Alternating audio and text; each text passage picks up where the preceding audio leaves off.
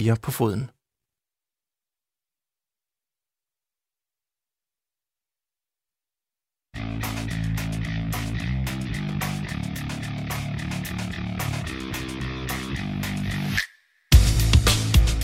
Hvem har været årets bedste fodboldspiller i Europa? Det store spørgsmål er centrum i din radio lige nu. Vi holder en pause fra Mink-sagen, fra Instrukskommissionen, fra vaccinerne, julehyggen og alt det andet. Og så har vi dedikeret fire hele timer til at finde årets hold i europæisk fodbold. Jeg hedder Dan Grønbæk, jeg leder Slagets Gang. Med mig i studiet har jeg tidligere fodboldspiller Jakob helten fra Sverige, Kampen Poulsen, og alvidende fodboldjournalister Gisle Thorsen og Arnela Muminovic. Rigtig hjertelig velkommen til. Og øh, velkommen tilbage til jer. Øh, I fik jo øh, en quiz i slutningen af første time. Jeg kan se, der bliver øh, skriblet godt og grundigt rundt omkring. Er den, øh, hvordan er vi kørende sådan for, forventningsmæssigt med svaret? Jeg har jo altid med quizzer, skal jo altid være noget sådan, som et spørgsmål, som du også kunne stille om 10 år. Altså, sådan, der skal være det der sådan lidt historiske element, men jeg kan jo godt se, at det her det er jo lidt svært, når det så er en 2020-quiz. Vi kan jo næppe vente 10 år. Men du ved, de her quizzer, hvor det er sådan, hvem har lige været inde og kigge på en topscore-liste øh, i tipsbladet. Øh, men okay, vi, vi tager det som udfordring. Men, men okay, var, det, det egentlig, var det en skjult kritik af min quiz? Ja, opfat det som du vil. Ej, jeg tror måske, du bare skal tage det som kompliment omkring, ja. at det faktisk er en lidt svær quiz. Og det er dejligt. Det er jeg glad for. Jeg var faktisk uh, myndet på dig, Gisle, fordi du har den der irriterende tendens til altid at have det der tal, jeg sidder og fisker efter i mit eget hoved. uh, det, det, det, du har været travlt igennem en længere periode, det program, synes jeg. Så nu skulle vi have et eller andet. Det er godt, der, der er 300 km afstand mellem. ja, det er nemlig lige præcis. Ja, godt.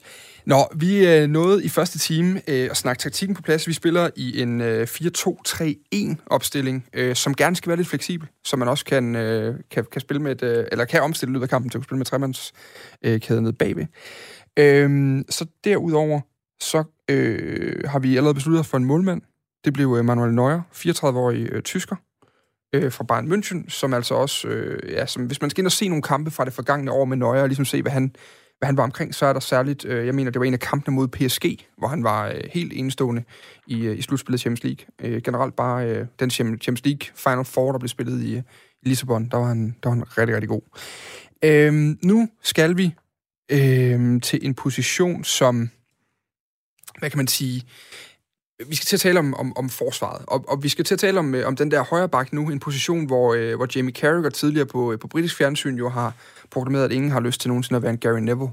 Øh, altså, det var midterforsvar, der var for dårligt, der blev rykket derud. I hvert fald tilbage i tiden. I dag der er det nogle lidt andre typer, der gør sig. Øh, vi starter øh, med forsvarskæden, der starter vi på højre bakken, så tager vi venstre bakken, så tager vi midterforsvaret til sidst. Øh, de nominerede, vi har på den her liste, som vi altså har øh, 20 stjålet, øh, fra UEFA.com. Øh, det er den liste, de lægger ud til alle fodboldfans hvert år, de kan stemme på til årets hold hos dem.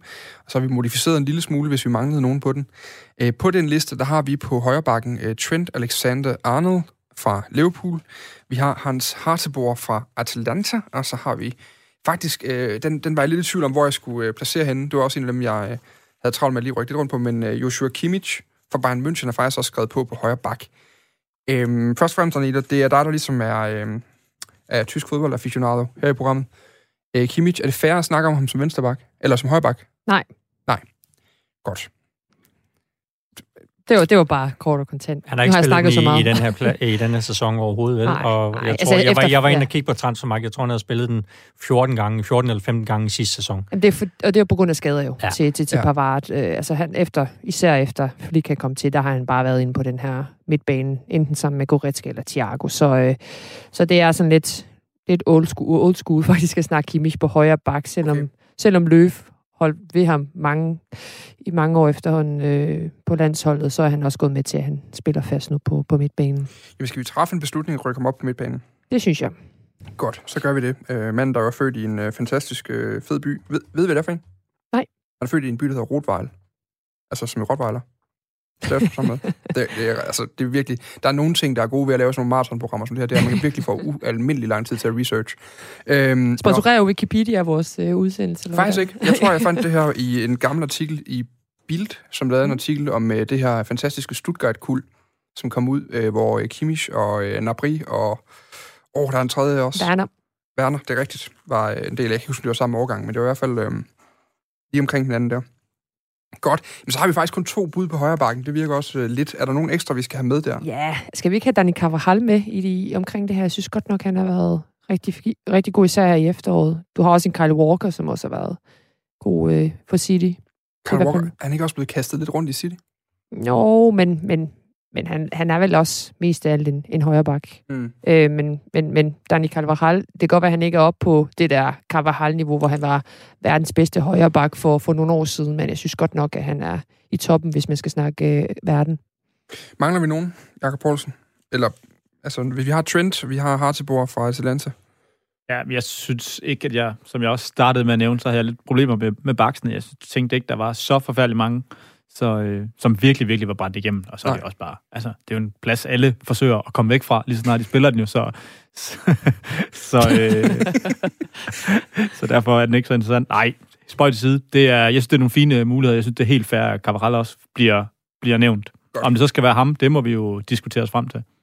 Gisle, skal vi acceptere en uh, trio med Cavaral, Hartebor og Trent, eller har du, uh, bør vi have Bellerin med på den? Nej, det, det, det, det synes jeg ikke. Det, det, det, Dog, bare... det vil nok være, være for parti. Det bedste ved, at det går så skidt for Arsenal lige nu, det er, at man ikke engang behøver at deklarere, at det var en joke. Altså, for ja, det er ikke sådan, måske godt. Ja. Kunne, kunne, kunne stadig spille den. ja.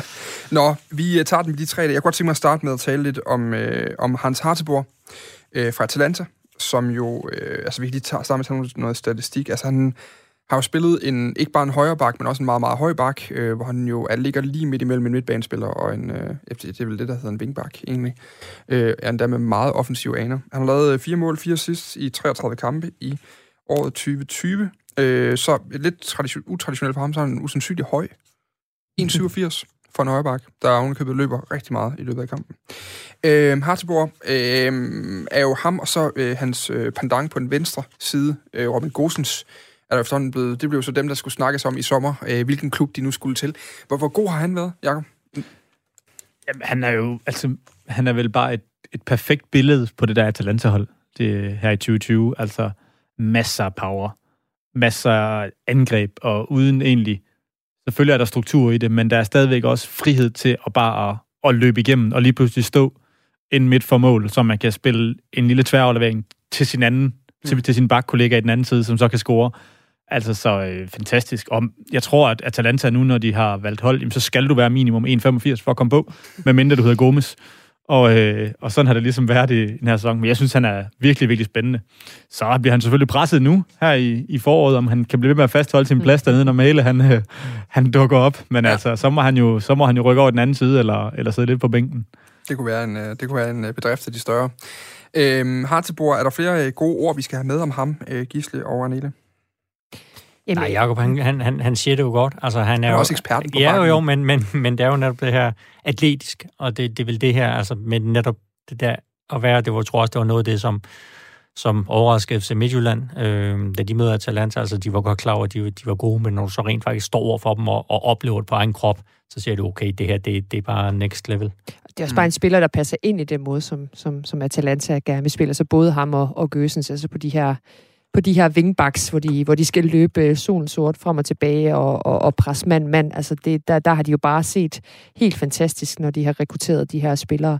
Øh, og det, det må jo nærmest være på mange måder et af, et af de største oplevelser i, 2020, altså Atalanta, den måde, som, som de har ja, rekrutteret og, og spiller så, mm. så fantastisk. Altså, det, er jo, det er jo bare blevet en darling for, for fodboldfans, den måde, de, de spiller på, og det er han jo bare et, et kæmpe bevis på. Altså, han er farlig, han, han er sjov at se på, han er, han er talentfuld, øhm, så, så det, det, det synes jeg virkelig har været en, en fremragende sæson også for ham.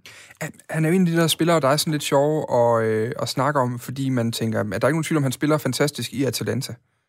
Men er han også en spiller, der ville kunne tage det næste skridt? Det er jo det, der er spørgsmålet. Altså, ja. fungerer han på et andet hold, der spiller på en anden måde, hvor han skal tilpasse sig? Mm. Hvor mange af de spillere på Atalanta hold kan det? Øhm, og, og, og det er jo det, der er så, så spændende, når man, når man har så fasttømret en, en spillestil, hvor, hvor man kigger på spillerens øh, ja, muligheder og kvaliteter, øh, og det spilleren heller ikke kan, altså sådan øh, begrænsninger, øh, og så laver et hold ud fra det, jamen kan man så komme videre? Øh, og det er, jo, det, er jo, det er jo svært at vide, om, om, om, om han, kan, han kan det. Altså jo, måske et sted, hvor de også spiller med, med øh, wingbacks, og mm. hvor de går højt op og meget mand-mand øh, orienteret. Øh, men, men altså, kan, kan han spille en stor klub i Italien, hvor, hvor de måske spiller lidt mere stringent? stringent øh, det, det, det kan man have sin tvivl om. Altså det samme er jo også med Gøsens over på den anden side. Altså kan han være vensterbak for Tyskland, øh, når, når han er vingbak i Atalanta? Det er også et kæmpe spørgsmål. Jeg synes ikke, altså vi kan jo ikke lægge os fast på, om han kan. Fordi der er jo ikke nej, rigtig nogen, der har set ham på højt niveau, om og hvor god, hvor god er han? Hans kompetencesæt for at bruge et erhverv. Jo, men altså, hvis du skal spille en almindelig bak, så skal du... God defensiv, det er han jo. Han er jo stærk, han er hurtig, han, er, altså, han har poweren, så selvfølgelig kan han forsvare. Ingen tvivl om det, men det taktiske er selvfølgelig meget anderledes, hvis du mm. kommer til en, en firebakkæde frem for en vingbak. Altså, for mig, jeg, det er lidt underligt. Jeg, han minder mig lidt om min tidligere holdkammerat Rasmus Nissen, som spiller i Red Bull. Og, og, jeg, og jeg tænker da også, at, øh, ja, at øh, Hartebo, han vil passe perfekt ind i en Red Bull på et Red Bull-hold. Mm. Mm. Jeg, jeg kommer også lige til at tænke på Leipzig med det samme, da, ja, jeg, da jeg altså, snakkede her. Altså, ja. der, kunne han jo godt, der kunne han jo godt passe. Øh, også den måde, som Nagelsmann skifter lidt frem og tilbage på til positioner. Og, mm. øh, der kunne jeg godt se ham. Øh, men, men, men, men kan jeg se ham i Dortmund, for eksempel, i en, en firemands bagkæde? Det, det vil måske være, være lidt sværere. Men, øh, men det har han stadigvæk nogle år til at, til at bevise over for os. Det bliver heldigvis heller aldrig relevant, fordi uh, Lukas Piszczek ser ud til at have lyst til at spille, så han er et par 50 eller sådan noget. Han er efterhånden også ved at være en ældre mand, den polske. Er han ikke stadig højre bak? Spiller? Ja. Han har også spillet centralt forsvar. Og Meunier, han, øh, han har vist overtaget det, men de, det, er ikke, det, er ikke, det er ikke fordi, at de, øh, de, de buner med gode højre baks i Dortmund lige nu. Nej. Nå, øh, Gisle, du får lov til at åbne snakken om øh, næste øh, mand i, øh, i nomineringsrækken. Øh, Trent Alexander-Arnold 22 år gammel, spiller i Liverpool, kommer fra Liverpool, mm. 33 kampe, 8 assists og øh, to mål. Og øh, faktisk med en mormor ved navn Doreen Carling, som efter sine engang har været øh, har gået og flyttet en lille smule med Sir Alex Ferguson. Ja. Ja. Det, det er, er udgangspunkt, det, Gisle. ja, jeg tror nok ikke, det er derfor, han er, er så dygtig en bedre spiller.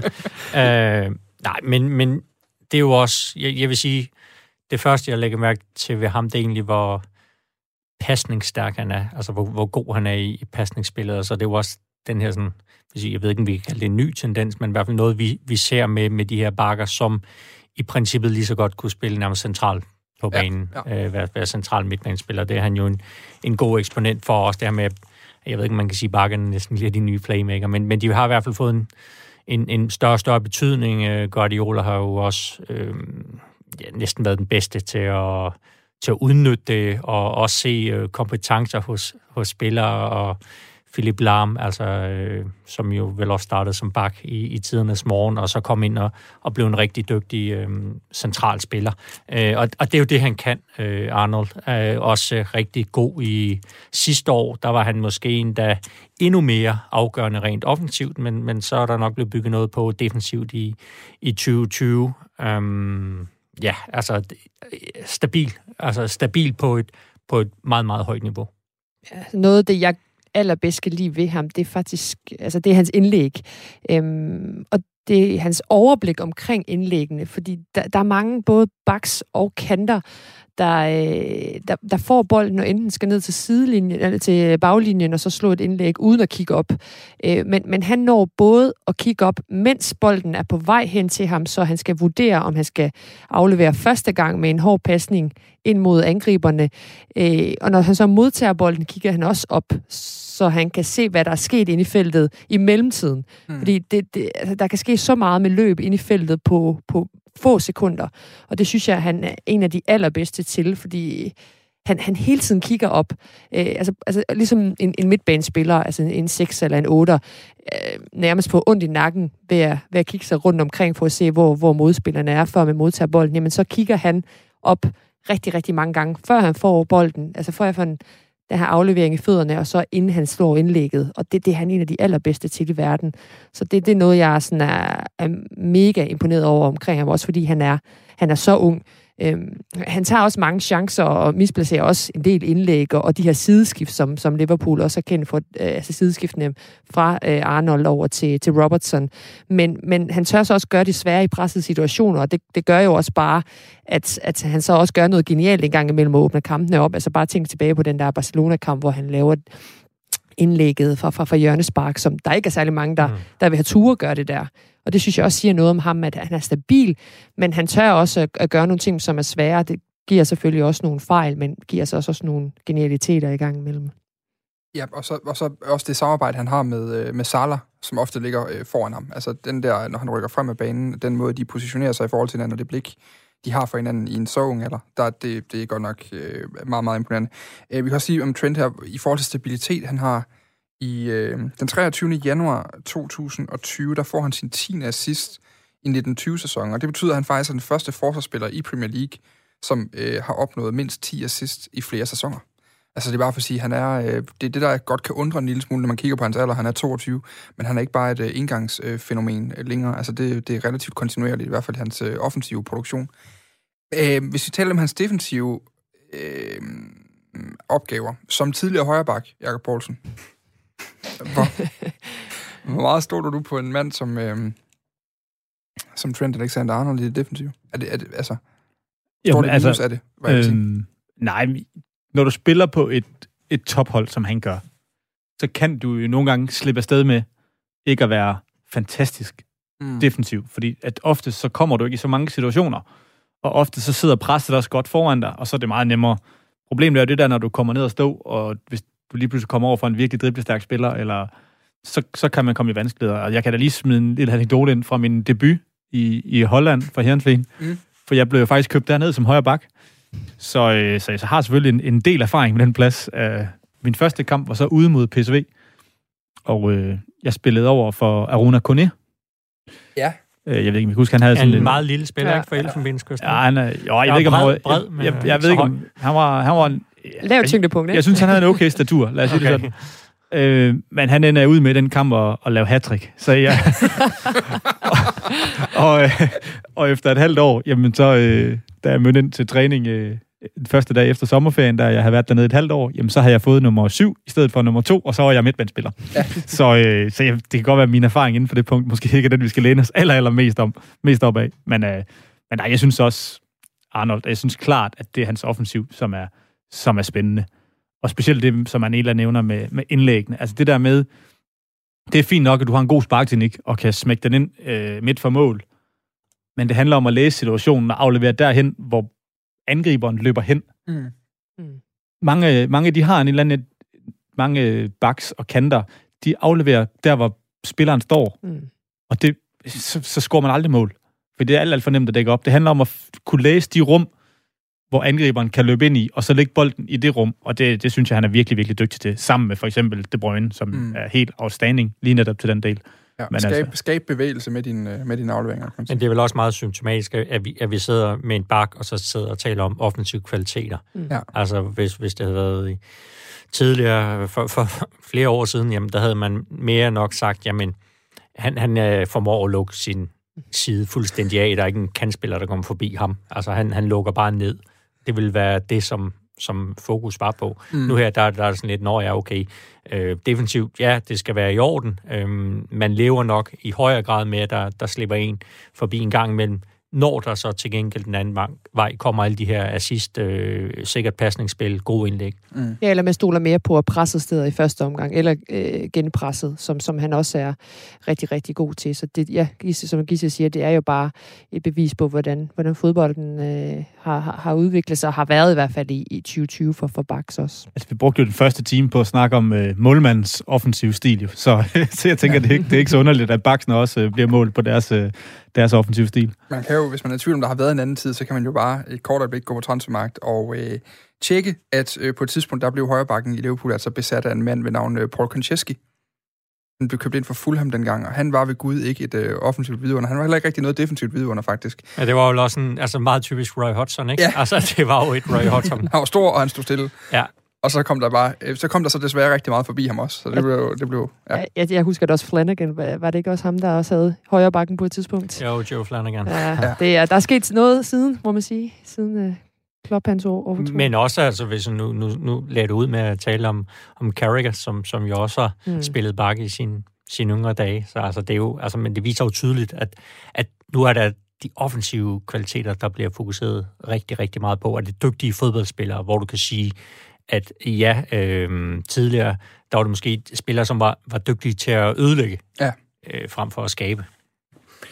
Godt. Øh, vi har lige sidste mand, vi skal forbi. Det var dit indspil, og derfor får du lov til at starte den, øh, Arnela. Øh, Dani Cavaral øh, fra Real Madrid. Ja, jeg synes bare, han, han gennemgående er bare en, en fremragende bak. Øh, han, han er kommet rigtig godt tilbage. Problemet med ham er, at han har for mange muskelskader. Altså sådan, han, han, han bliver hele tiden stoppet i, i hans fremdrift, hvis man kan sige det på den måde. Altså han, han nåede virkelig højdepunktet i, i 16-17 øh, sæsonen, hvor jeg synes, han var, øh, han var den øh, bedste bak i verden, øh, i hvert fald på højre, på højre side. Øh, Øh, fordi det, det, nu snakker vi meget om defensivt og offensivt, men det er sjældent, du ser en bak, som øh, både er god defensivt og offensivt på allerhøjeste niveau. Og det synes jeg, han er, han er garant for øh, Dani Carvajal, og heldigvis begynder han øh, at bevæge sig op på, på, på det niveau, og det giver altså Real Madrid øh, rigtig, rigtig meget i forhold til, at de så har spillet med, med en Lucas Vazquez eller en, en Nacho. Altså, der er lidt, der er lidt mere star quality over, over Dani Carvajal. Men, men når han op ved siden af, eller op øh, over øh, Trent Alexander-Arnold, øh, nej, det gør han ikke, men, men han er en af de allerbedste i verden. Er vi der, hvor, hvor vi egentlig har... Øh, vi sidder her nu og bruger noget tid på at fortælle om de forskellige backs, men vi er egentlig alle sammen rimelig enige om, at det bør være Trent Alexander-Arnold? Ja, det synes jeg. Altså, man kunne selvfølgelig også nævnt en Benjamin Pavard fra, fra Bayern. Øh, han var rigtig, rigtig god i foråret, men han er så faldet i niveau i efteråret. Det er som om, at, at det her mm. Pres øh, om de mange kampe har, har, har gjort et eller andet, så han har brug for en pause. Så, så jeg synes ikke rigtigt, man kan få ham med her i, i top 3. Men, øh, men, men ja, vi er vel enige, enige om, om den her plads. Gisle? Ja, ja. ja det var, jeg, jamen, jeg har ikke været i tvivl overhovedet. Nej, altså, det, det er ham. Det behøver heller ikke øh, blive et, øh, sådan et, et spil for galleriet, det her. Altså, fordi jeg, han har mig, jeg har mig også meget tydeligt på mit, uh, mit hold. Jeg synes egentlig også, det var den position, jeg havde nemmest ved at besætte, faktisk. Ja, en af de to i hvert fald jeg synes var nemmest. Når øh, Trent ryger på, jeg kunne simpelthen lige uh, runde af med at sige, altså ender sådan en Trent Alexander Arnold, ender han som central midtbanespiller på et tidspunkt? Øh, kan, kan vi spørge eksperten i den transformation, Jakob Poulsen? Ikke sikker på, det er samme grund, han ryger op på øh, og får syveren på et tidspunkt, men... Nej, det var faktisk også øh, højre kanten, jeg røg op på på Nej, det, det tidspunkt. ja, ja. Så det var, jeg havde bak, og så kant, og så røg jeg ind til ja, sidst, yes. da jeg ikke kunne løbe fra en længere øh, øh, det ved jeg ikke. Nej, det tror jeg faktisk ikke. Ikke lige, lige med det første. Jeg tror ikke, han laver en, en Kimmich, hvis det, eller en Larm til at starte med. Der tror jeg, at, øh, at han bliver derude. Modtaget. Godt. Vi bevæger os til øh, venstre bakken, synes jeg lige, vi tager, inden vi går til øh, midterforsvaret. På venstre bak har vi øh, fire kandidater i vores nomineringsliste. Vi har øh, Andrew Robertson, Andy Robertson fra Liverpool. Øh, det er ham, øh, Alexander Arnold, han spiller bolden til rigtig tit. Så har vi Alfonso Davis fra Bayern München. Vi har Juan Bernat fra øh, Paris Saint-Germain. Og så har vi Angelino fra øh, Red Bull øh, Leipzig, eller Rasenball Sport Leipzig selvfølgelig. Nå, øh, lad os starte over hos dig, Gisle. Mm. Vi skal, skal, skal vi ikke starte med, øh, med hans øh, modpart, øh, Andy Robertson der? Jo, øh, jamen, ja, det er jo også en spiller, som, som jeg elsker at se, øh, og som jeg vil, hvis jeg var spiller på det niveau, også elsker at spille sammen med. Øh, og altså, det er, for mig er det sådan en kombination af det her skotske, altså det kan godt være, at det bliver lidt stereotyp, men, men altså, han har stadig nogle af de her den klassiske, kan vi kalde det, britiske dyder, øhm, sådan rent defensivt, og at du kan, du kan regne med ham. Øhm, og så er han også bare, øh, måske ikke helt så god en fodboldspiller som, som Trent, men, men altså, det er, øhm, det, det er rigtig, rigtig godt. Øhm, altså, du elsker at have de der spillere, hvor du ved, at det er, lad os kalde dem 8 ud af 10 spillere. Altså, de, de, de rammer altid et rigtig, rigtig højt niveau. Øh, det kan godt være, at det er sjældent, han er helt oppe og ramme 10 ud af 10, men, men til gengæld rører han også endnu sjældnere ned under øh, 7. Og så har han de samme offensive, øh, i hvert fald mange af de samme offensive kvaliteter. Det er mere i hans løb og i hans, øh, hans øh, hvad hedder det, øh, bevægelser, han måske øh, gør forskellen, men, men laver nærmest lige så mange assists, som, øh, som den gode øh, Trent Alexander-Arnold på den modsatte side. Øhm, Arnele, men skal vi ikke bare... Gisle, har du Andy, har du, har du Andy Robertson på holdet? Nej, det er ikke ham, jeg har valgt. Nej, Hvem har du valgt? Men jeg har, jeg, jeg tror det, jeg har også skilt lidt med Bayern München af Alfonso Davis. Du har taget Alfonso Davis? Ja. Jamen, skal vi ikke, øh, har du taget ham også, Nila? Jeg er faktisk i tvivl, for at være helt ærlig. Øh, fordi jeg kigger også på sådan en helårsvurdering, både foråret og, og efteråret her. Og øh, hvis du havde spurgt mig om foråret, altså det første halve år, så havde jeg altså ikke været i tvivl, om det var Alfonso Davis. Altså den måde, hvor han kommer fra nærmest ingenting til at, til at være ja, faktisk verdens bedste venstre bak, og på den måde gå ind på Champions League-niveau og gøre en forskel. Altså det, det har været øh, helt exceptionelt. Øh, men, men han har bare øh, ikke holdt det høje niveau i, i efteråret, øh, og han har været skadet rigtig meget. Kun spillet 10 kampe her i efteråret, hvis man tager alle turneringer med. Det er altså også øh, DFB-pokal og Supercup og så videre. Øh, så, så, så, så på den måde er jeg faktisk i tvivl. Altså jeg har faktisk Angelino på den her den her vensterbak, hvis du virkelig skal, skal, skal bede mig om at tage et valg nu. Fordi han har været... Øh, jamen, han har egentlig også været på en eller anden måde øh, en, der har sparket dør ind på, på allerhøjeste niveau, og på, også på et hold, som, som også har øh, ja, taget øh, overskrifterne på, på den store scene, både i Bundesliga, men også i Champions League. Øhm, Angelino, som mm. også er en slags playmaker, vil jeg sige. Nu har vi playmaker over på den anden side, men, men Angelino, som også går ind i banen og gerne vil være med, også slå nogle gode indlæg, og, og bedst offensivt øh, har nogle, selvfølgelig også nogle øh, udfordringer rent øh, defensivt. Så hvis vi kigger hele året igennem, så vil jeg faktisk nævne Angelino. Den havde faktisk, øh, jeg havde faktisk troet, det ville være en af de positioner, hvor vi også diskuterede mellem to spillere, mellem Andy Robertson og Alfonso Davis. Øhm, Jakob, hvem har du på?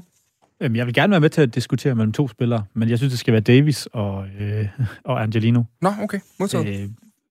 Øh, det kan godt være noget med også typen af spiller, som Robertson han er. Han er jo skotte. Altså, han er sådan lidt... det, nu skal man på, men altså, altså, det er jo sådan lidt lidt gråt og sådan lidt, men vold, voldsomt stabilt og virkelig, virkelig godt niveau. Ja. Er det der, man siger driftssikker? Ja, mm. det, det, det, det, der, man bruger ordet.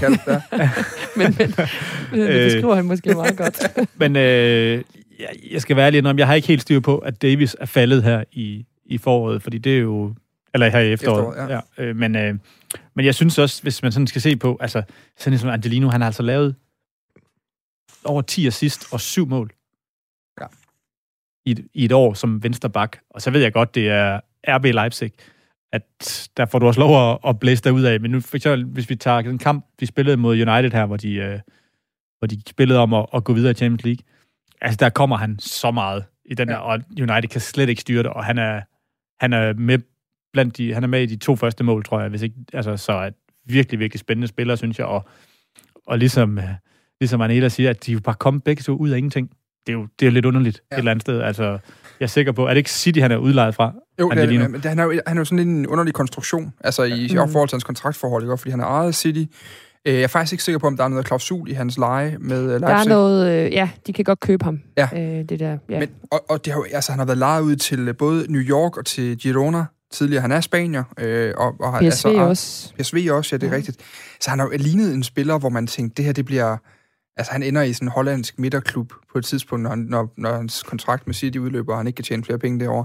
Altså, men så lige pludselig, så, så stikker det hele af i, i Leipzig, øh, og, og alle, alle stjerner står ind. Altså, i den nuværende sæson, der har han 20 kampe, 8 mål og 6 assist, og det er alene i den indværende vi er i, i på nuværende tidspunkt. Det er jo en fuldstændig absurd tal for en, øh, for en venstreback. Ja, altså. og, det, og det, det siger jo meget godt om det der, hvor ikke tilfældigt, men hvor vigtigt det er, at man finder en klub mm. med den stil, ja. der passer til dig. Fordi ellers så kan du være nok så dygtig og have nok så mange kvaliteter, men hvis du spiller et sted, hvor det ikke lige er din ty eller din, din stil, jamen, så er det bare svært at slå igennem. Og det synes jeg, det her det viser med al tydelighed, at han har ramt et sted nu, hvor hans kvaliteter virkelig kommer til udtryk, og så, så viser han sig også vanvittigt flot frem. Ja. Man kan jo sige, at, at altså, hans bedste position er, når øh, Leipzig spiller øh, med wingbacks, fordi han, han er så exceptionelt god med, rent offensivt. Men han, de spiller også, også med, med, med firmandsbagkæde øh, fra tid til anden. Også, de skifter jo også i, i løbet af kampene. Og der har han altså også bygget på, synes jeg, i forhold til 2020, at han også er blevet bedre defensivt. Så det, det, det synes jeg egentlig er stadigvæk argument for, at han godt kan kan være en øh, firemands bagkæde på vores hold, at det er ikke en, en decideret øh, vingbak. Det, det er en, en, en spiller, der, der godt kan spille på, øh, på, på et hold med, med firemands bagkæde. Så må Trent Alexander-Arnold lige holde lidt tilbage, når, når Angelino han, han fyrer op på, på venstre side. Godt. Jamen, øh, jeg kan godt se, altså jeg havde faktisk taget Andy Robertson, men det er måske også bare en mand, der er en øh, sokker for britisk fodbold og for det driftsikre øh, og det kedelige tilværelsen. Det kan jeg jo godt holde af sådan noget. Uh, men, men jeg kan da godt se, at der er uh, nu talmæssigt på ham her. Altså, jeg vil sige, den sidste, som vi ikke rigtig taler om, det er Juan Bernat. Og i mit hoved har jeg afskrevet ham en lille smule, fordi han kun har spillet 14 fodboldkampe i kalenderåret 2020. Selvom der så har været et par gode præstationer i Champions League, så synes jeg, jeg synes næsten, det var for lidt til, at han skulle, uh, i hvert fald i, i det selskab, han er i på den position.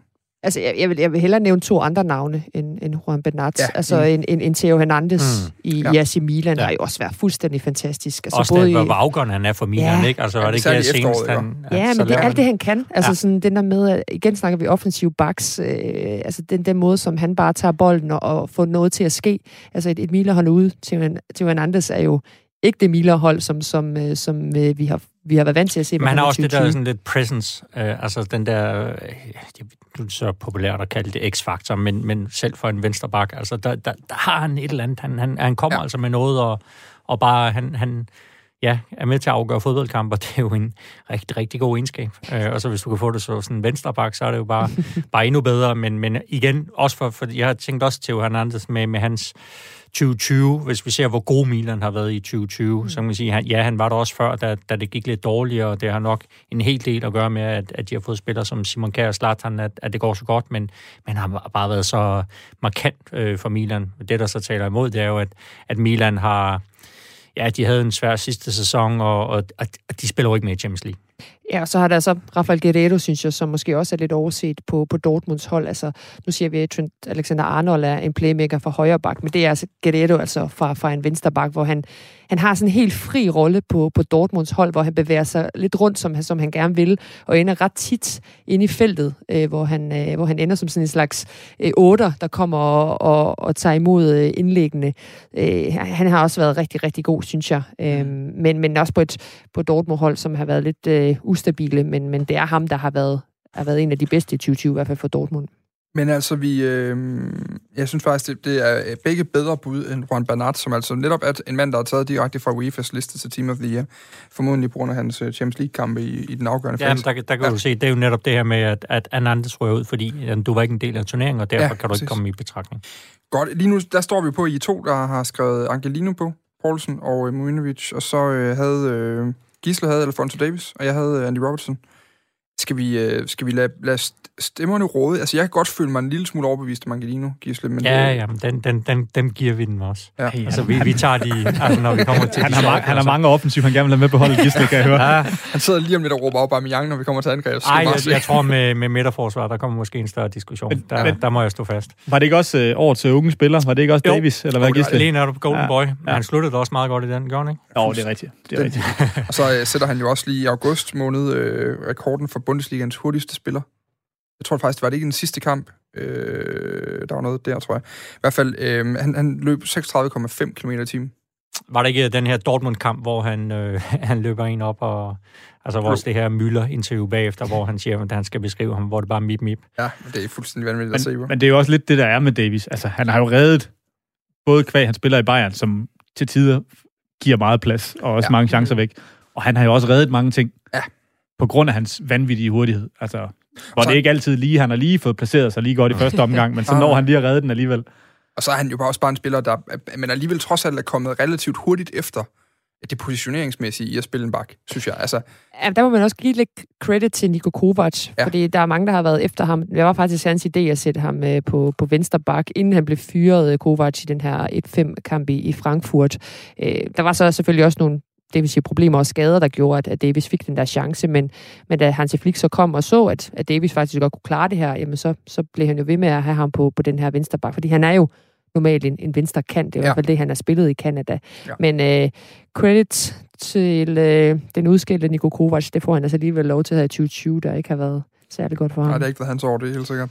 Nå, øh, vi kan også lige øh, til sidst øh, sige om, altså Alfonso Davis, men hvis man stadig ikke er helt overbevist om den her 19-årige, gut, og hvor god han egentlig er, så skal man gå ind og se øh, kampen mod Barcelona.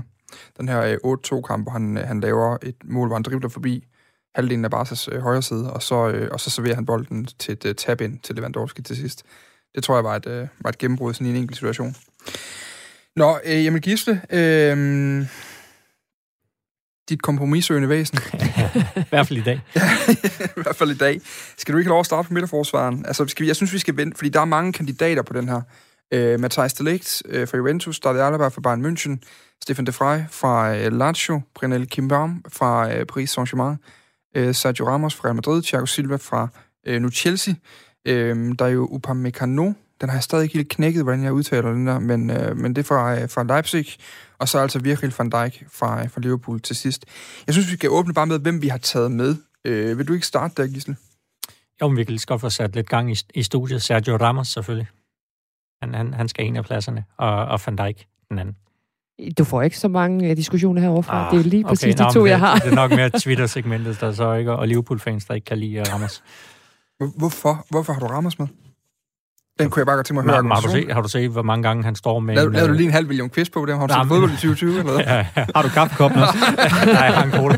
Har du ikke set... Nej, men har du... Øh, altså, hvor mange pokaler den mand har vundet? Og, og der var også et spansk mesterskab i, i 2020. Øh, men, men det er netop også det her... Jeg vil sige, vi er jo blevet enige om, at vi vil godt stille et hold, som også vil kunne hvad kan man sige, være realistisk ja. og sige, der skal, der skal vinde nogle fodboldkampe, og ikke bare sådan fantasihold, med, med, der er sådan meget, meget offensivt. Så jeg vil sige, vi har altså brug for, for typer, som øh, rammer os bagud. Jeg tror bare, man skal se på Real Madrid uden Sergio mm. Ramos. Mm. Altså, der, der er ikke det samme kontinuitet og organisation, når, når, han, når han ikke er der. Øhm, han, altså, ja, man kan sige, at han scorer en masse ja. mål. Han mm. er sikker på straffespark, men, men det er ikke det, der betyder øh, så meget for en, for en midtstopper. Det er da kæmpe plus at have i Sergio Ramos, der, der scorer på den måde, redder også titler hjem, kan man vist godt uh, sige. Bare spørg Diego Simeone. Men, men, men den måde, som han organiserer det her hold. Øh, han, han snakker konstant Jamen, han er sin, netop øh, det der med, med at være en karakterspiller. Præcis. Altså, den er karakterspiller på banen, men også uden for banen. Øh, forestille mig omklædningsrummet, det er ham, der ligesom tager teten. Og så er han også bare exceptionelt god til de her pasninger op på den sidste tredjedel. Altså fra, fra, fra, fra midtstopperposition og så op efter. Altså, mm ved siden af Kroos og Modric, så er Ramos en af de bedste pasningsspillere på, på, på det hold. Og også det her med, altså folk, folk de taler jo altid om alle hans øh, røde kort og alle de her, men, men det er også, Arnella siger det jo også, altså manden har scoret også mål. Jeg tror, han lavet over 100 mål i, i sin karriere.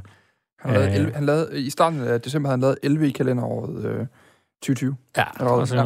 ja. Men jeg vil sige, det er det, er det hvad skal jeg sige, et, et af de argumenter, man kan sige mod ham, fordi han, han får for mange gule og, og røde kort. Altså, han, han har måske lidt for meget øh, spansk blod i, i årene i forhold til, at han er for aggressiv nogle mm, gange. Mm, det kan du sige, men jeg tror også bare, det er sådan, altså hvis, hvis du tog det ud af ham og sige, okay, men du må ikke spille forsvarsspil på den måde, som du gør nu, for at få færre øh, udvisninger, færre advarsler, så jeg tror også, du vil miste noget af det, som, som gør så god. Jeg tror lidt, det, det er lidt det, du må leve med, med, mm. med pakken Sergio Ramos, at, at i hver, hver 15. kamp, der, der kommer en, en hjerneblødning, og der er en, der er en spiller, der skal skæres over. Øhm, de 14 andre, der er det så rigtig godt.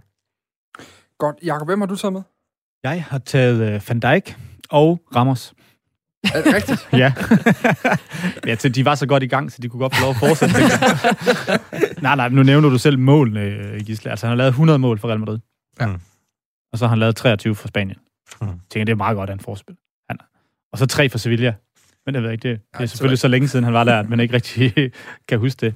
Men jeg er helt enig. Altså, den måde, han styrer det der hold på, mm. og har styret det der hold på i, jeg ved ikke, hvor mange år, det er jo, det er jo bare fantastisk. Og han bliver ved og ved og ved med at sætte rekorder og ja, sikre sig titler, sikre klubben titler. Altså, øh, og det er jo egentlig igen de der spillere. Lad ham nu blive der resten af tiden. Han skal ikke finde på et eller andet øh, Saudi-Arabien eller et eller andet lige pludselig, fordi han lige tænker, at det kunne være sjovt. Altså, det vil være, det vil være forfærdeligt, synes Men det er jo også altid det, vi ser med Ramos. Der skal altid lige... Der, en gang om året, der dukker det jo op med de her kontraktproblemer, at sige, okay, men nu vil jeg egentlig gå til en anden klub, og, og så finder de ud af det alligevel. Det er jo sådan lidt af, af skuespillet i Madrid. Men jeg synes også bare, ja, fantastisk spiller. Og mm. det der med hans attitude, altså nu skal vi huske på, det er også det er underholdning, den her verden, vi er i, og, og holder så meget af. Og der er han jo garant for underholdning på alle parametre. så, øh, så klart, og så, ja, man tænker måske ikke, at Real Madrid har været så gode i år. Men det har de 2020, jo, men, men, men det har de jo faktisk heller ikke. Nej, men de bliver stadigvæk spanske mestre. Åh, oh, det var og, de der i foråret, vil jeg sige. Ja, altså, der er ingen grund til, at de bliver mestre, og det er også meget på grund af Sergio De Ramos. lukker 25 ja. mål ind i, i La Liga ja. i, i 1920, faktisk bedre end Atletico Madrid. Uh, mm. Det skal vi lige huske. Der har, der har selvfølgelig været nogle ting i, i efteråret, som der har været for alle andre tophold mm. i, i, hele, i hele Europa, at det har været for, for ustabilt. Uh, men hvis du kigger på de kampe, hvor de har været eller dårligt, så har det været uden Sergio Ramos. Okay. Jamen altså, det, det er jo sådan en af dem her nu, hvor jeg kan jo sagtens sidde og prøve at stille mulige kritiske spørgsmål nu, men faktum er jo, at der er, altså...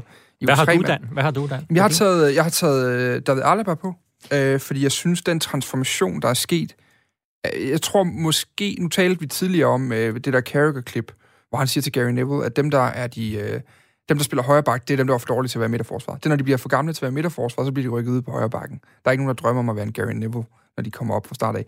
Alaba har jo taget den modsatte tur, ikke? fra bakken og, øh, og ind i midterforsvaret. Ikke fordi han var for gammel, men fordi der var problemer derinde, og så har han løst de problemer. Øh, og nærmest, synes jeg, øh, hans, hans blik for spillet, han havde, da han var bak, har han jo taget med ind i midterforsvaret, har, øh, har øh, sådan, øh, statistisk set vanvittigt mange øh, stærke afleveringer frem i banen. Og derudover så har han også bare et, et ryg, hvor jeg forestiller mig, hvis jeg var, hvis jeg var noget af det, jeg talte med Frank Hjortebjerg om omkring de her midterforsvar, det var, at hvis du har tre, så har du også plads til, at der kan være noget dynamik dernede. Altså, at en, en, en midterforsvar faktisk kan tage de ryk op. Også det, Sergio Ramos jo faktisk også gør en gang imellem. Der synes jeg, Alaba måske, hvis ikke den bedste, så er han måske den næstbedste til at gøre det. Altså at deltage i det offensive spil også fra den position. Altså efter Alexander Scholz, eller? Ja, klart efter Scholz. ja, okay. altså, ja, ja, øh, nej, nej, jeg kan godt gå med på, at Sergio Ramos måske nok er den dygtigste til det. Altså at tage de her positioner også og gå med frem og være en støtte på midtbanen. Men jeg synes, den måde Alaba har løst den opgave i det centrale forsvar, og, og også er en element, altså, elementær del af den Champions League-titel og det mesterskab for Bayern, og den ligesom, genrejsning efter Flick kom til. Altså, det, det synes jeg har, har været enormt imponerende. Og så har jeg faktisk været i tvivl om, øh, om det var altså, på bekostning af enten Sergio Ramos eller, eller virkelig Van Dijk. Jeg kan ikke helt finde ud af, hvor meget det talte ned, at Van Dijk øh, har lavet nogle relativt store fejl i løbet af 2020, man ikke har set før, synes jeg. Og derudover jo også har været skadet siden mm. oktober. Ja, men jeg tror også, det øh, handler om, at, at, at vi var jo vant til at se ham fuldstændig fejlfri. Fuldstændig, ja, ja. Så det var ja. jo lidt der, wow, han lavede en fejl, og så, så kom yes. fokus på det. Og jeg tror da også, at du har ret i, at han var, han var bedre i 19, end han har været i 20, øhm, ja. når han så også været skadet. Men, men, men stadigvæk, altså, hvis du siger et køb, der har transformeret Liverpool ja, øh, i forhold til deres mester, så, så er det jo mesterskab, er det jo ham. Ja, men jeg kan godt, man kan godt følge den her øh, argumentation med, at hvis vi tager 2020, altså, og kigger på, okay, David Alaba, som, som har været så exceptionelt god på det her hmm. flikhold på en, ja. på en plads, som han ikke normalt spiller, og, og så vigtig den måde, som de spiller på. Altså et, når de har bolden, det er ham, der får den, det er ham, der fører den op. Øh, og når de så ikke har bolden og mister den, jamen så er det ham og Davis, der har hurtigheden til at, til at hente de her kontrasituationer. Van Dijk har været skadet siden oktober. Han, øh, han har måske ikke været lige så god i, i 2020, som han Nej, i 19. du kan sige, at Liverpool faktisk i, i 2020, hvis vi ser det sådan over en, en bred kamp, har de jo slet ikke ramt deres, øh, det, de, det, de lavede i 19, altså for et, for et år siden, da de massakrerer Leicester. Det var jo sådan, wow, det var jo sådan helt vildt. Og så kan man sige, ja, de vinder jo et, et meget, meget sikkert mesterskab, men, men, men det var jo ikke på samme måde som, eller med samme overbevisende udtryk i spillet, som det var i, i slutningen af, af 19.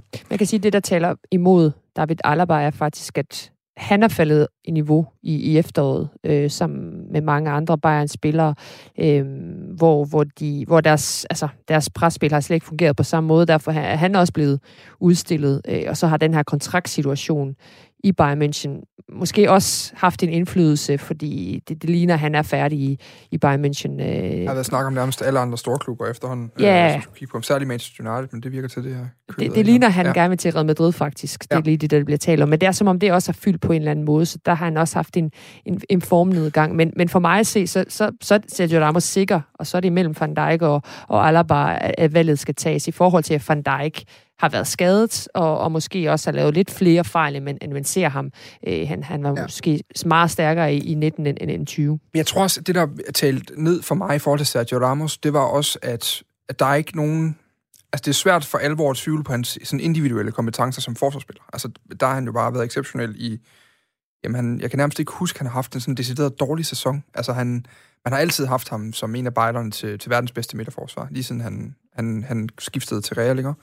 Øh, men, men det jeg tænkte, det er i en klub som Real Madrid, når kollektivet ikke kan levere, for jeg synes ikke, de har været gode i Champions League, og jeg synes, og de har også enormt mange etmålsejre øh, i La, La Liga, hvor de jo ikke dominerer kampene, men også vinder på andre, øh, i hvert fald nogle, nogle måder, hvor man ikke er vant til, at Real skal vinde på den måde. Altså, der synes jeg måske, jeg synes ikke, han har været så enormt øh, dygtig. Og så en sæson, hvor de ikke vinder andet i anførselstegn end det spanske mesterskab øh, og hvor Barcelona også har en gevaldig formnedgang. Der tænkte jeg faktisk, at, at Alaba godt kunne være en, øh, en, en erstatning for ham på det hold. Også fordi jeg synes, Van Dijk, når han så laver de her fejl, så sidder man alligevel bagefter og kigger på sådan en spiller og tænker, jamen den laver han ikke to gange den her kamp. Altså han, hans attitude, når han laver de der fejl, er også en del af hans, øh, hvad kan man sige, at den der magi, der kan være lidt omkring Van Dijk nogle gange, at han, han virker umulig at ryste på en eller anden måde nu når du nævner det der med rammer, så han ikke måske ikke lige har holdt holdet oppe, så kan man sige, men det har han jo lige netop, fordi de har vundet mange kampe mm. ved at være rigtig, rigtig stærke defensiv.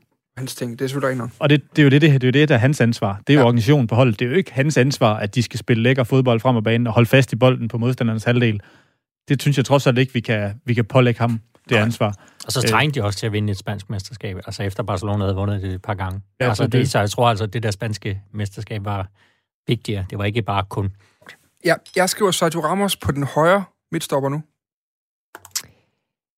Ja, så er spørgsmålet jo, om det skal være Alaba eller, eller Van Dijk. Altså, jeg er faktisk blevet mere i tvivl, når jeg sådan sidder oh, og, Gud, det er og tænker for, over det. Øh, for, for, fordi han, han betød sgu så meget for det Bayern hold i forhold til i forhold til den måde, som, som, som de spiller på. Øhm, der, der var godt nok ikke mange andre midtstopper, i hvert fald på det hold, der kunne, der kunne klare de opgaver, som, som, som der skal til, Nej. for at, at Bayern skal lykkes på den måde. Øhm, og den er jo, den er jo to del, fordi en Van Dijk i topform over for en David Alaba i topform, hvem vil man så helst have? Van Dijk. Altså, ja. det er der slet ingen tvivl om, ingen, Altså, det er jo verdens bedste forsvarsspiller Men det kom, i en verden. Det, er det kommer an på, hvad man vil som hold igen. Altså, fordi mm. jeg tvivler på, at Alaba vil være en god midtstopper i Premier League for et hold derovre.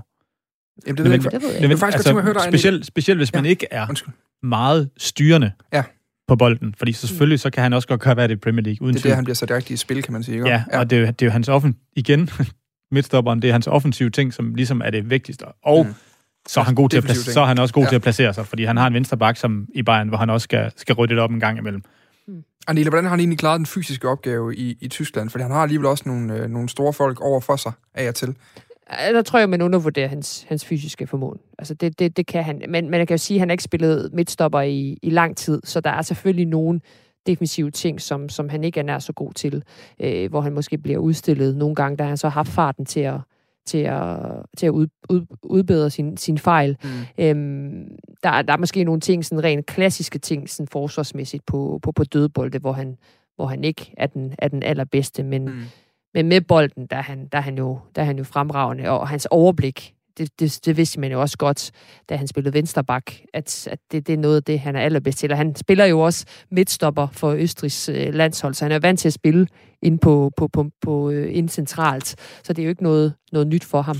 Øhm, så, så jeg kunne godt se ham spille i Premier League. Det kommer bare ind på, hvilket hold det er. Altså City, med, med den måde, som Pep Guardiola spiller på, det, der vil han da passe øh, øh, perfekt. Ja. Men... Øh, Øh, men ja, også et, et Liverpool-hold kunne jeg da også godt sagtens se ham, se ham spille. Men, øh, men ja, det er... Øh, men man skal vel også se på, hvad, hvis vi nu vælger Sergio Ramos, hvad er det så for en type, han skal have mm. ved siden af sig? Skal, skal det være en... en der tror jeg måske aldrig, vil være bedre til ham. Eller i hvert fald, jeg ved ikke om... Hvad med Thiago altså, Silva? Jamen, jeg tænker mere Ramos og, og Van Dijk om... Altså, hvem er så lederen i det forsvar? Hvis man kan sige, den der rolleopdeling mellem de to midterforsvar. Hvem er, hvem er så kaptajnen? Altså, hvem er det, der har sidste kald? Altså, det vil i hvert fald... Der, der må være nogle rigtig fine situationer, når man har et... Øh, lad os sige, en angriber, han får et løb ned mod et midterforsvar. Og så har, er der sådan et... Gerne lige omkring, når han rammer et, øh, hvad man kan sige, bunden af midtercirklen, øh, kigger han op for at finde ud af, hvilken bane han skal tage. Hvilken udfordring skal han tage. Så kigger du op, så ser du så, at det rammer så fejl Van Dijk. der er der en god chance for, at man havde vendt om, eller taget bakken i hvert fald, og taget den lange omvej øh, ned, mod, ned mod målet. Øhm, jeg kunne godt tænke mig lige med, med nogen nu. Jakob han sad også lige og ned i sit dokument derovre. Altså, vi har jo også en Thiago Silva, som jo egentlig også, øh, man kan godt argumentere for, han bærer PSG langt frem til deres, øh, deres resultater i Champions League-sæson. Vinder endnu et mesterskab, kommer til Chelsea, og efter en usikker start ser han jo faktisk også øh, dygtig ud i, i Chelsea øh, nu. Hvor tæt er han på de tre andre, vi diskuterer her? Altså, jeg synes, at han er tæt på. Altså, jeg har altid godt kunne lide Thiago Silva. Øh, han, han er sådan en klassisk god forsvarsspiller. Øh, han, han, han har det her overblik, han er kontant uden at være for hård. Altså hvis nu skal sammenligne med, med Sergio Ramos, der får måske lidt for mange kort. Øh, altså Thiago Silva får også kort, men, men han, han er bare god til at time det her. Øh, og så er han også bare sådan en, en god leder. Altså det kan man i hvert fald godt fornemme på sådan et Paris Saint-Germain-hold, hvor der, hvor der har været mange af de her flamboyante typer, og hvor, hvor, det, hvor de måske kun tænker på, på sig selv, så han er jo sådan det der samlingspunkt på, mm. på det her hold sammen med en Marquinhos. Øh, så jeg har altid godt lide, at han, han er alligevel blevet 36, ikke? Og, og, og, og hvem havde troet, at han, han ville have taget til Premier League, og selvfølgelig efter en, en opstart, som måske ikke har, har været øh, efter bogen, og han har selv været overrasket over øh, niveauet i Premier League, og hvordan man spiller der i forhold til lange bolde. Det så i hvert fald et interview. Jamen, der har han egentlig også etableret sig okay, selvom Chelsea har problemer rent defensivt. Det, det tæller selvfølgelig også ned i mm. forhold til ham, at, at, at, at, at Chelsea har de her problemer. Men, men sådan hans PSG-tid i foråret, der, der synes jeg, han havde været Og hvis, hvis PSG havde vundet, vundet Champions League, så, mm. så, så havde han jo fået et plus mere. Så, ja, så, så, så havde, ja. ja, det er jeg sikker på. Vil du byde noget ind med, øh, Jakob på Nej, men det er jo Silva, eller synes du bare, han skulle med i ligningen? Nej, men jeg synes, de siger det godt. Altså, godt. jeg synes, at uh, han har også leveret på et virkelig, virkelig højt niveau, og han var klart uh, værd at, at nævne. Ja, og Stefan de Vrij, hvis vi også lige skal nævne ham, synes jeg egentlig også er en undervurderet ja. øh, spiller på, for, for Inters hold. Altså det her med, at, at en, det, han har jo været den bedste midtstopper i, øh, på, på, på Inters hold, og en af de allerbedste i, i Serie A. Øhm, han er sådan en lidt lidt en, en grå mus også, øh, men han er bare så stabil. Øhm, men det er også bare et indhold, der ikke vinder noget, ikke? Altså nu kan det være, at de jo, jo. gør det i år, men, men, men de taber en Europa League-finale. Ja.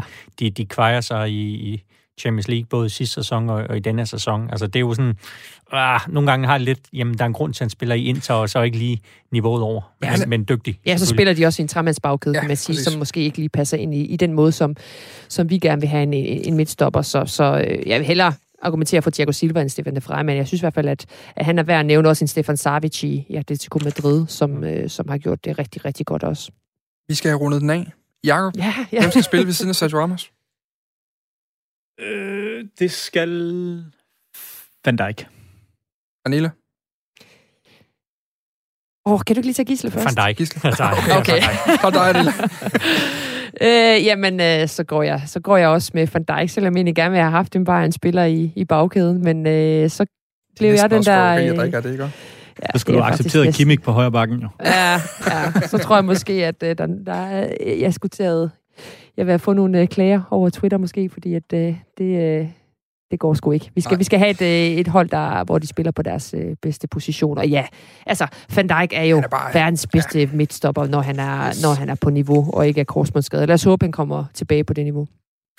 Ja, jeg havde, en, øh, jeg havde dengang, vi, dengang i tidernes morgen, hvor vi regnede med, at det her det skulle være en trebakkæde, man skulle have ned bagved, der havde jeg, øh, jeg var gået fuldstændig helt ved siden af jer andre. Jeg har taget øh, Alaba, og så havde jeg der jo Upamecano, og så havde jeg øh, virkelig Van Dijk, skråstreg, øh, hvad hedder han, øh Pernille Kimbem, fra, øh, fra PSG, fordi jeg synes, han simpelthen er et monster nede i det midterforsvar der. Så det er godt. Det er ikke godt, vi har, kampe. Nej, det er det bare ikke. Det er godt, vi har klogere mennesker end mig. Jeg, tænker, jeg synes, vi giver en, uh, i stjæler fra filmbranchen og giver en uh, honorable mention til uh, David Alaba her. Uh, det synes jeg godt, vi kan give uh, på den her position. Vi skal lige have uh, næste hug af quizzen. Der er tre minutter, så der er nyheder igen. Uh, jeg tror måske, det er spisepause, kunne jeg forestille mig, for, uh, for nogen i selskabet. Uh, og vi tager en... Den lugter lidt af den anden vi havde for en time siden.